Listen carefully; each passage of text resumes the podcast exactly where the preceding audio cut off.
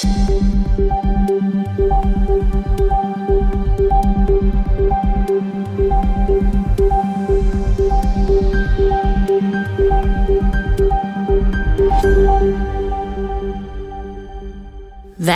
tilbake til Krimnytt, en podkast for deg som ønsker å følge med på aktuelle true crime-saker. Først i dag så skal vi til en sak som skjedde i en by i Northern Virginia tidligere i år. Som et ekte mordmysterium er denne saken blitt enda mer forvirrende etter at en au pair nylig ble sikta for et av drapene. Det var 24. februar rundt klokka åtte om morgenen at politiet i Fairfax County ble tilkalt til et hjem i Hernon etter at en kvinne hadde ringt 911. Hun hadde fortalt at en venn av henne var blitt skadet. Like etter hun ringte, hadde en mann overtatt telefonsamtalen, og han hevdet at en ukjent mann hadde tatt seg inn i hjemmet hans, og at han hadde skutt vedkommende. Politiet som ankom åstedet, tok seg raskt inn i huset. I andre etasje fant politiet 37 år gamle Christine Banfield inne på et soverom. Hun var påført flere knivstikk på overkroppen. Christine var mor og sykepleier. I nærheten av Christine fant politiet 39 år gamle Joseph Ryan. Han hadde flere skuddskader på overkroppen. Christine ble raskt frakta til sykehuset, hvor hun ble erklært død. Ryan ble erklært død på stedet. Politiet fant senere ut at det var familiens au pair som hadde ringt 911. 23 år gamle Juliana Perez Magales, og at mannen som hadde overtatt 911-samtalen, var Christines ektemann. Politiet så ingen tegn til innbrudd i huset. Politiet så ingen tegn til innbrudd, og de vet ikke hva Ryan gjorde i huset hjemme hos Banfield den morgenen. Men politiet har senere klart å finne ut at Ryan var en bekjent av Christine. Christine og ektemannen hadde en fire år gammel datter, og det er ukjent hvor hun var når moren hennes og en venn ble knivstukket og drept. Ifølge politiet skal Juliana, familiens au pair, ha forklart politiet at hun og Christines ektemann ikke var hjemme den morgenen da drapene ble begått. Hun fortalte at da hun kom hjem, så så hun en bil utenfor huset som hun ikke gjenkjente. Hun hadde da ringt til Christine uten å oppnå kontakt. Hun ringte så til Christines ektemann, som kom hjem.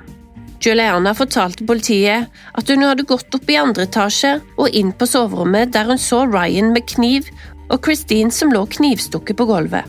Ifølge en annen politibetjent skal Christines ektemann ha sagt på telefonen at han hadde skutt en mann og knivstukket en kvinne.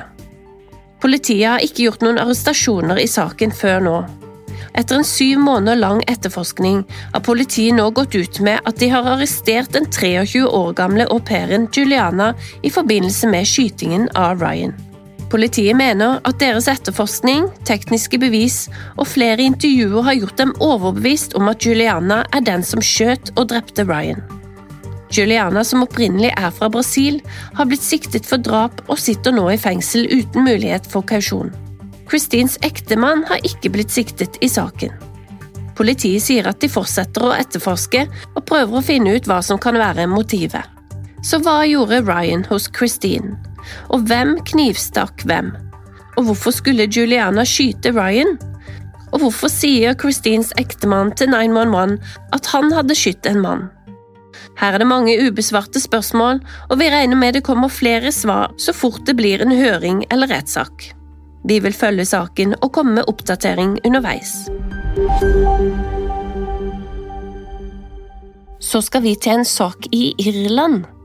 44 år gamle Tina Satchwell bodde sammen med sin ektemann gjennom 25 år og deres to hunder i East Cork, en liten by i Irland.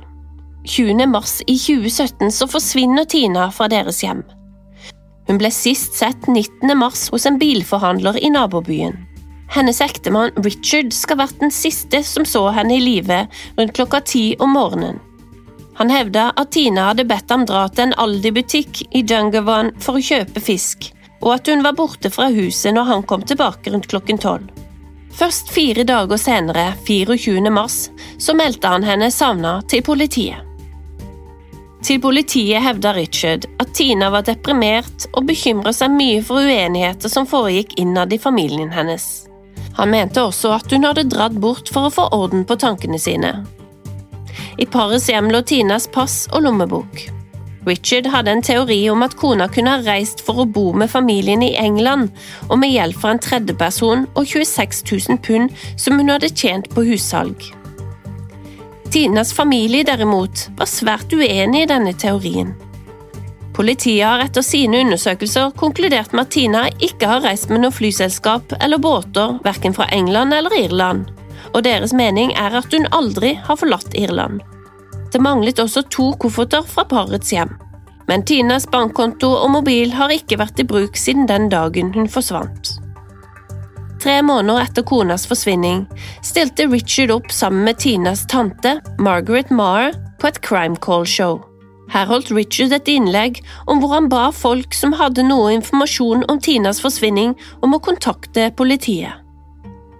Den neste måneden ble det spekulert heftig i sosiale medier og Richard var en mange mistenkte for å ha noe med konas forsvinning å gjøre. Og Dette gjorde at Richard valgte til slutt å takke ja til en løgndetektortest under et intervju, for å motbevise spekulasjonene som florerte, men han ombestemte seg senere, og testen ble aldri gjennomført. I 2018 så slapp en av Irlands nasjonale TV-kanaler en primetime special som handla om Tinas forsvinning. På TV-programmet var både Tinas ektemann, Tinas kusine og Gadei som ledet etterforskningen. Dette var det første av flere TV-show som Richard stilte opp på. Seriøse og mindre seriøse, hvor han prata om Tinas forsvinning. Politiet fikk inn mange tips i saken, og et av tipsene var om en mann som hevda å ha sett noen forlate skogen i nærheten av Tinas nabolag den natta hun forsvant. En stor leteaksjon ble satt i gang. Hunder ble også brukt, men ingen spor etter Tina ble funnet. Så virka det som saken hadde gått kald, før det 10. oktober i år skjedde en dramatisk utvikling da Tinas forsvinning ble endra til en drapsetterforskning. En mann i 50-åra ble tatt inn til avhør for mistanke om drap. Samtidig ble det sendt ut et team som skulle undersøke Tina og Richards hjem. Dagen etter, 11. oktober, ble den 50 år gamle mannen løslatt uten å bli sikta. Men allerede dagen etter igjen, 12. oktober, ble mannen på nytt arrestert etter at det ble funnet lemninger i Tinas hjem. Den arresterte mannen var Tinas ektemann, Richard Starchwell.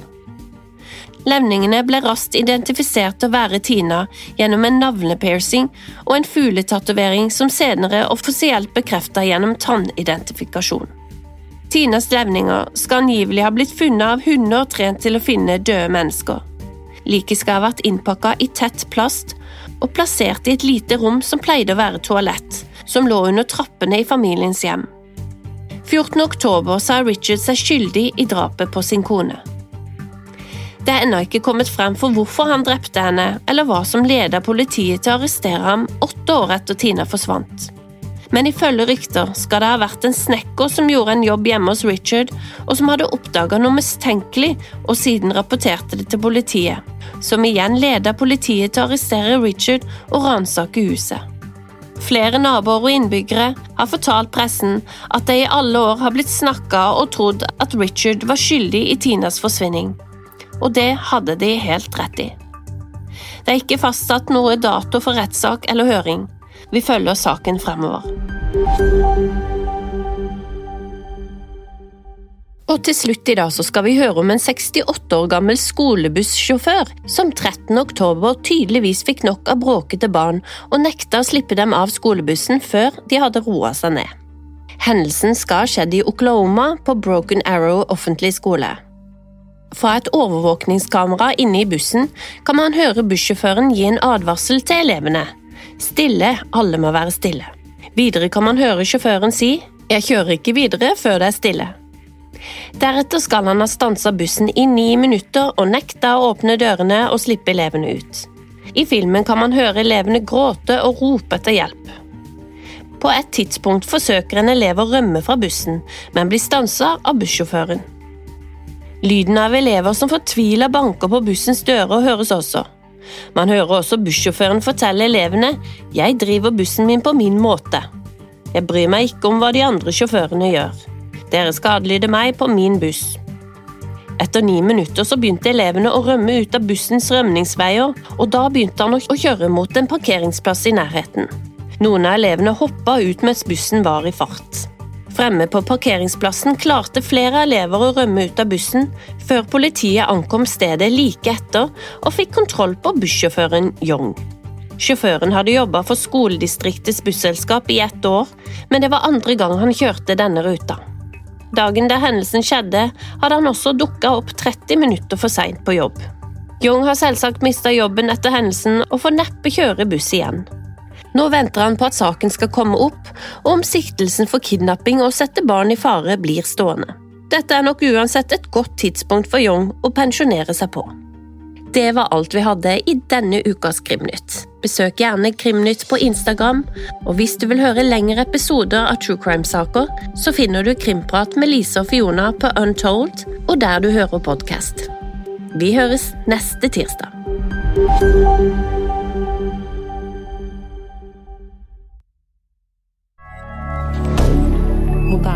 Media. Har du et enkeltpersonforetak eller en liten bedrift? Da er du sikkert lei av å høre meg snakke om hvor enkelt det er å sende faktura med fiken. Så vi gir oss her, fordi vi liker enkelt. Fiken superenkelt regnskap. Prøv gratis på fiken.no.